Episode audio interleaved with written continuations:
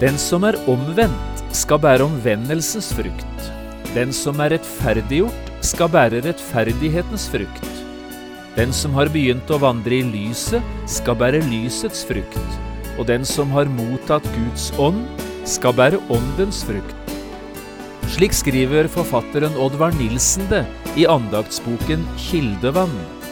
Og nettopp dette skal du få høre mer om i dag.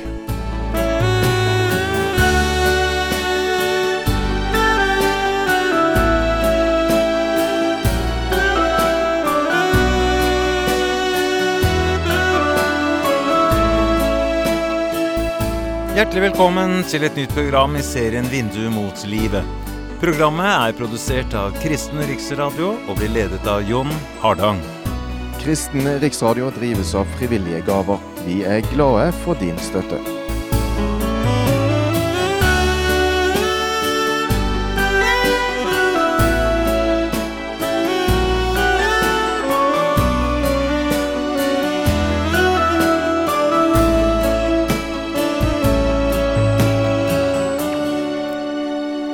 Vi skal i dag lese fra Galaterbrevet i Bibelen, det kristne frihetsbrevet, som dette Paulusbrevet ofte blir kalt. Vi skal finne fram til et sterkt og fint avsnitt i kapittel fem, et avsnitt som er fylt av de sterkeste kontraster, lys og mørke, ånd og kjød, liv og død. Eller som overskriften over dagens program lyder, kjødets gjerninger eller åndens frukt. Vi leser fra Galaterbrevet, fra kapittel 5, og vi skal lese versene 16 til 26. Men jeg sier, vandre i ånden, så skal dere ikke fullføre kjødets lyst. For kjødet begjærer imot ånden, og ånden imot kjødet. De to står hverandre imot, for at dere ikke skal gjøre det dere vil. Men hvis dere blir drevet av Ånden, da er dere ikke lenger under loven. Kjødets gjerninger er åpenbare. Det er slikt som utukt, urenhet, skamløshet, avgudsdyrkelse, trolldom, fiendskap, trette, avvindssyke, sinne, ærgjerrighet, splittelse, partier, misunnelse, mord, drukkenskap, svirelag og annet slikt. Om dette sier jeg dere på forhånd, som jeg også før har sagt dere, de som gjør slikt, skal ikke arve Guds rike. Men åndens frukt er kjærlighet, glede, fred, langmodighet, mildhet, godhet, trofasthet, ydmykhet, avholdenhet. Mot slike er loven ikke. De som hører Kristus Jesus til, har korsfestet kjødet med dets lidenskaper og lyster. Dersom vi lever i Ånden, da la oss òg vandre i Ånden. La oss ikke ha lyst til tom ære, så vi egger hverandre eller misunner hverandre.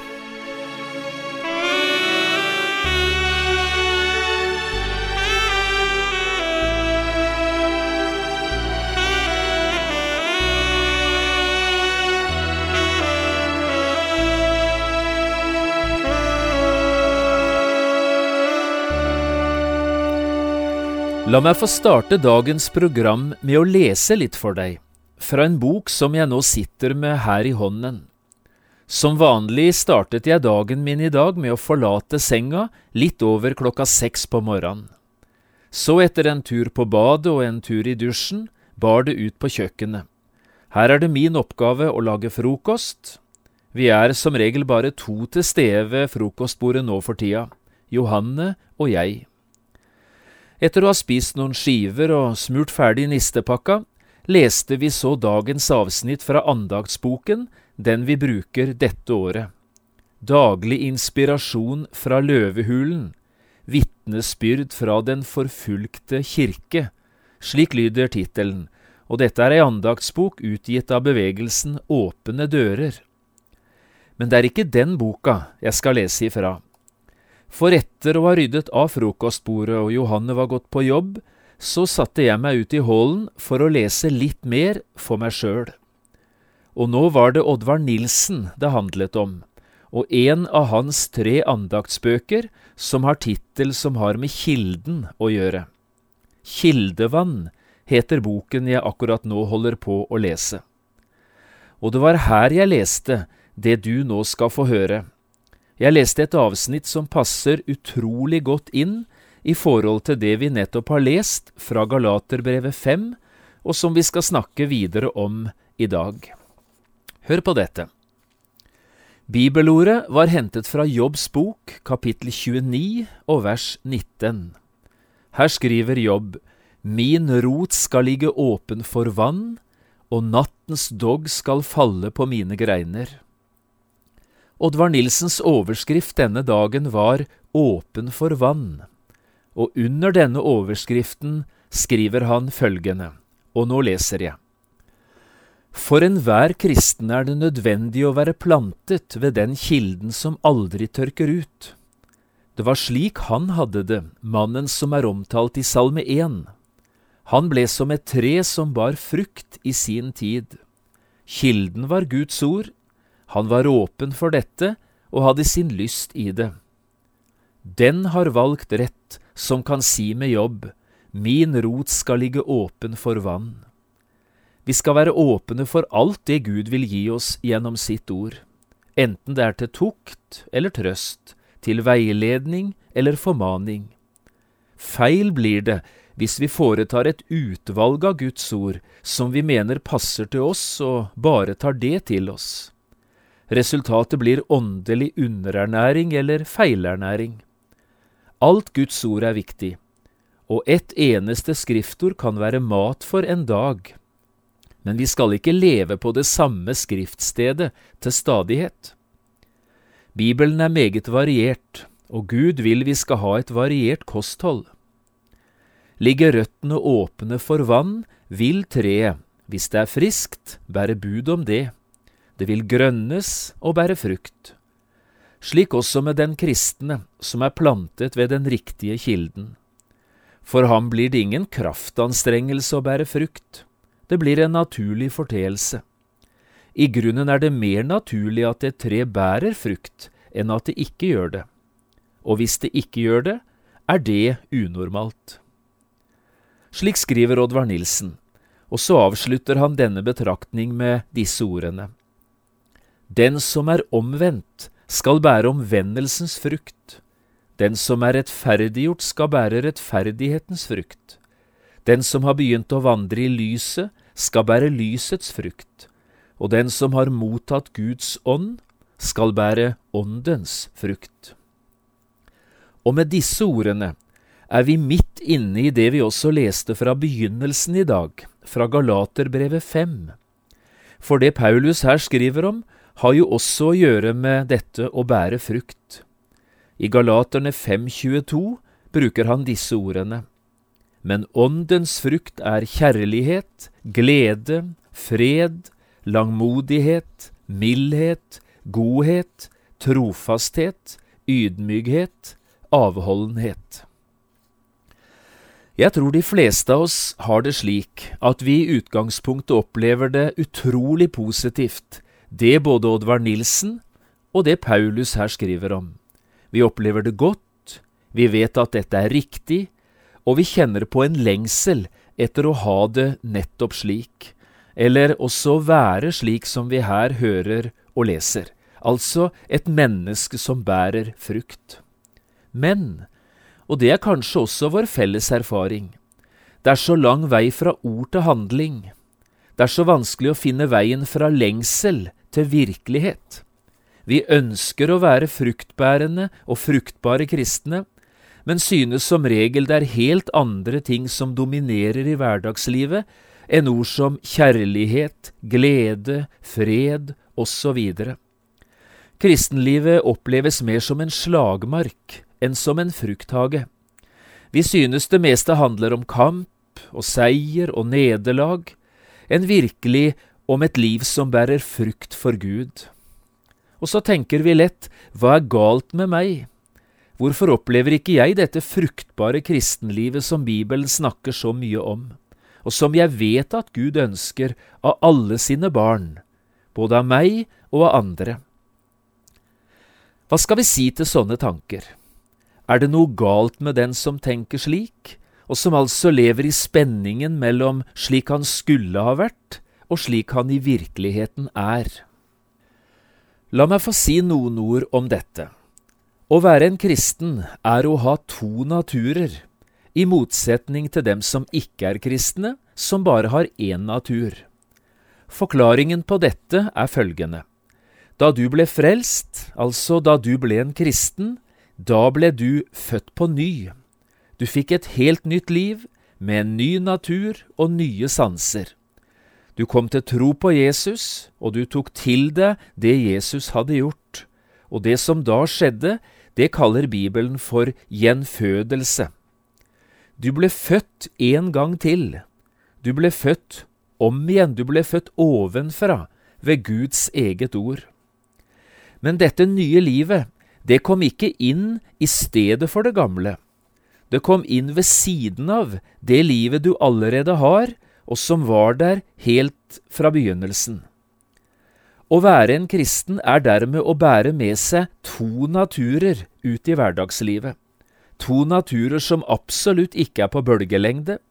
De står hverandre imot, som Paulus skriver i et av versene vi her leste. Disse to naturene vil ikke samarbeide. Sier den ene naturen ja, ja, så kan du være sikker på at den andre sier nei. Men dette er altså normaltilstanden i en kristens liv, og ikke et uttrykk for at ting er galt fatt.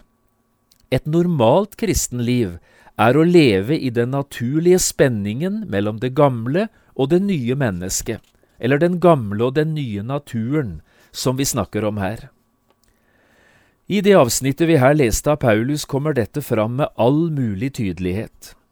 Her kaller Paulus det gamle mennesket, eller den gamle naturen, for kjødet, og det nye mennesket, den nye naturen, kaller han for ånden. Og så skriver altså Paulus, vandre i ånden, så skal dere ikke fullføre kjødets lyst, for kjødet begjærer imot ånden, og ånden imot kjødet de to står hverandre imot, for at dere ikke skal gjøre det dere vil. Slik leste vi fra begynnelsen av dette avsnittet, vers 16 og 17, og i slutten av det samme avsnittet står det sånn. Dersom vi lever i Ånden, så la oss òg vandre i Ånden. La oss ikke ha lyst til tom ære, så vi egger hverandre eller misunner hverandre. Klarere synes jeg ikke det kan sies. Å være en kristen er altså å leve midt i krigen, ikke bare i en krig som utkjempes omkring oss, men en krig som blir utkjempet inne i oss. Enhver kristen er på en måte en vandrende borgerkrig. Paulus har ganske mye å si om dette.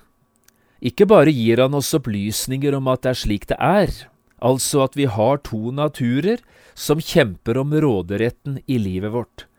Han gir oss også utrolig klare beskrivelser av hvordan det livet vil ta seg ut som lar den ene eller den andre naturen få råde. Og dette er jo det store spørsmålet når vi snakker om ting som dette. Hvilken av disse to naturene ønsker jeg skal ha råderett i mitt liv? Og hvordan skal jeg sørge for at det gode vinner? For det er jo det jeg egentlig ønsker, ikke sant? Paulus er nokså konkret når han beskriver de to naturene. Ingen som leser disse avsnittene, kan være i tvil om hva han mener. Den gamle, syndige naturen kaller han altså for kjødet. Og så gir han oss en beskrivelse av hvordan det mennesket blir seende ut som gir denne naturen råderett i hverdagen. Kjødets gjerninger er åpenbare, sier Paulus i vers 19. Det er altså ikke vanskelig å få øye på dem, de er lett synlige, resultatene.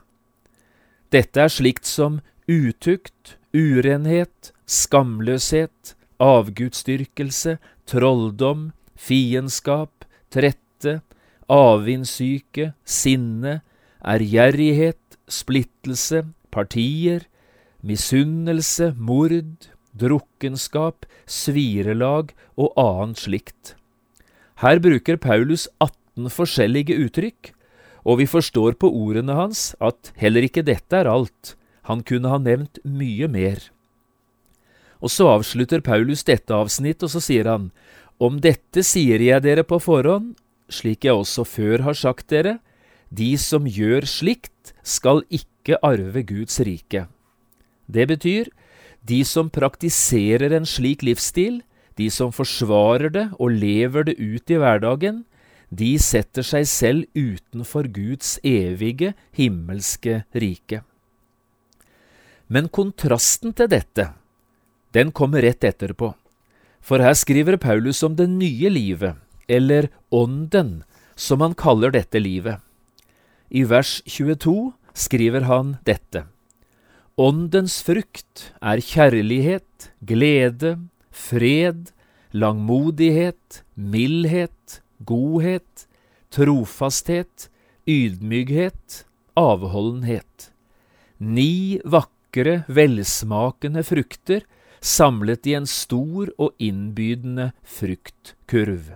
Og dette er altså frukter, ikke strev, ikke resultat av eget strev og egne gjerninger, men frukt av et liv som allerede finnes. Og så avslutter Paulus mot slike er loven ikke. Det betyr dette livet rammes ikke av Guds dom. Tvert imot er det sånn at et slikt liv har Gud virkelig behag i. Her har du altså det Paulus skriver om. To naturer og to muligheter. Og du og jeg, vi kan velge det ene, og vi kan velge det andre. Men, og hør nå, du er blitt en kristen, ikke sant?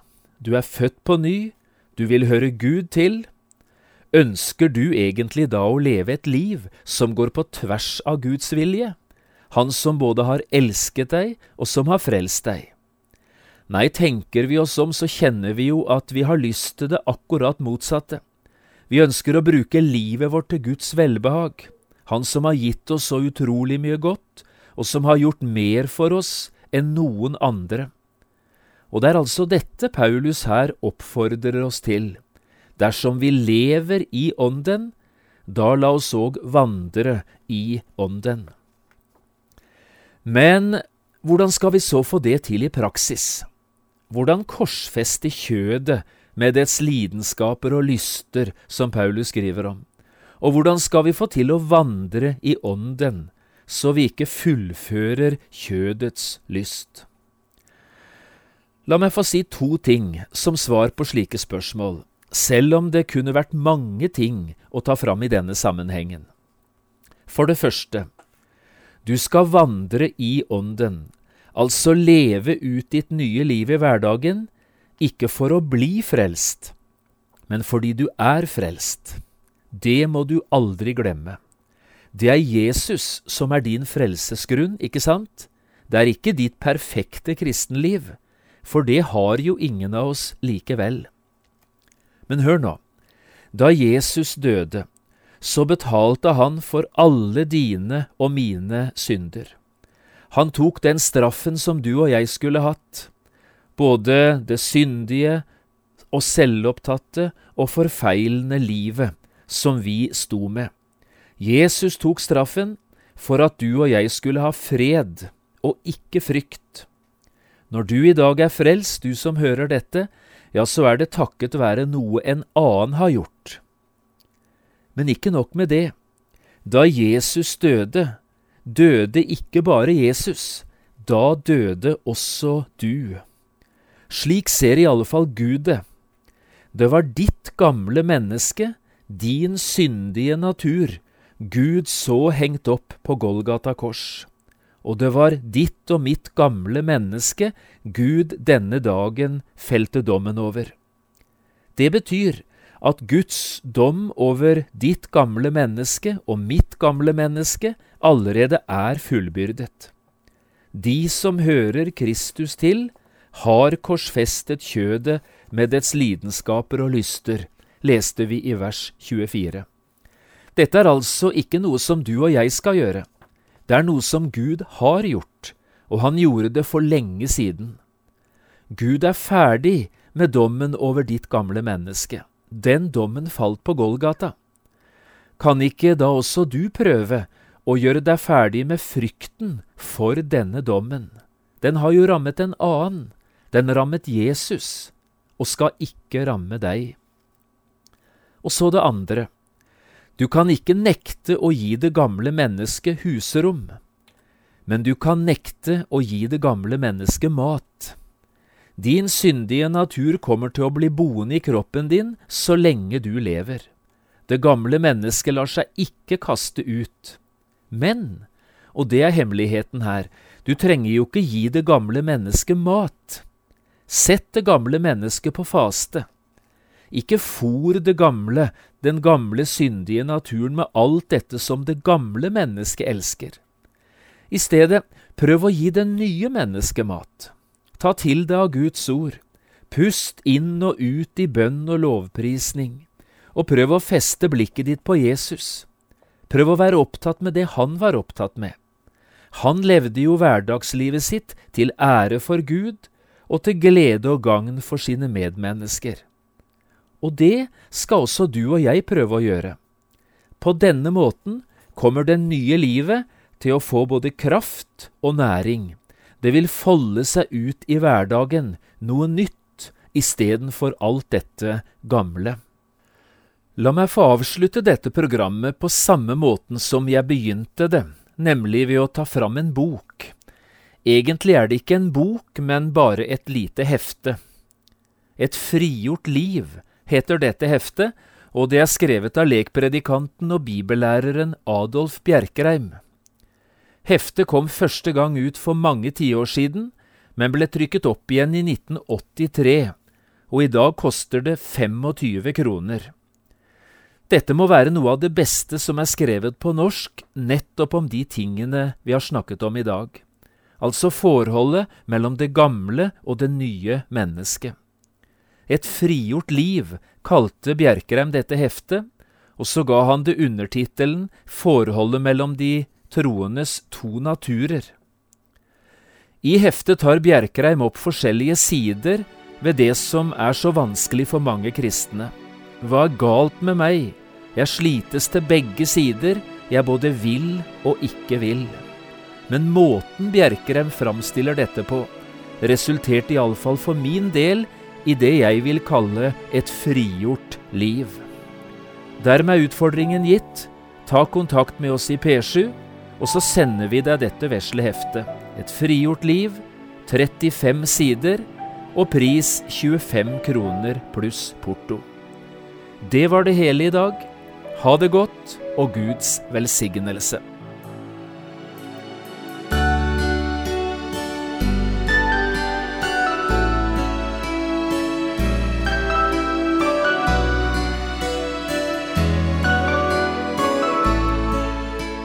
Du har hørt på et program fra serien Vindu mot livet med John Hardang.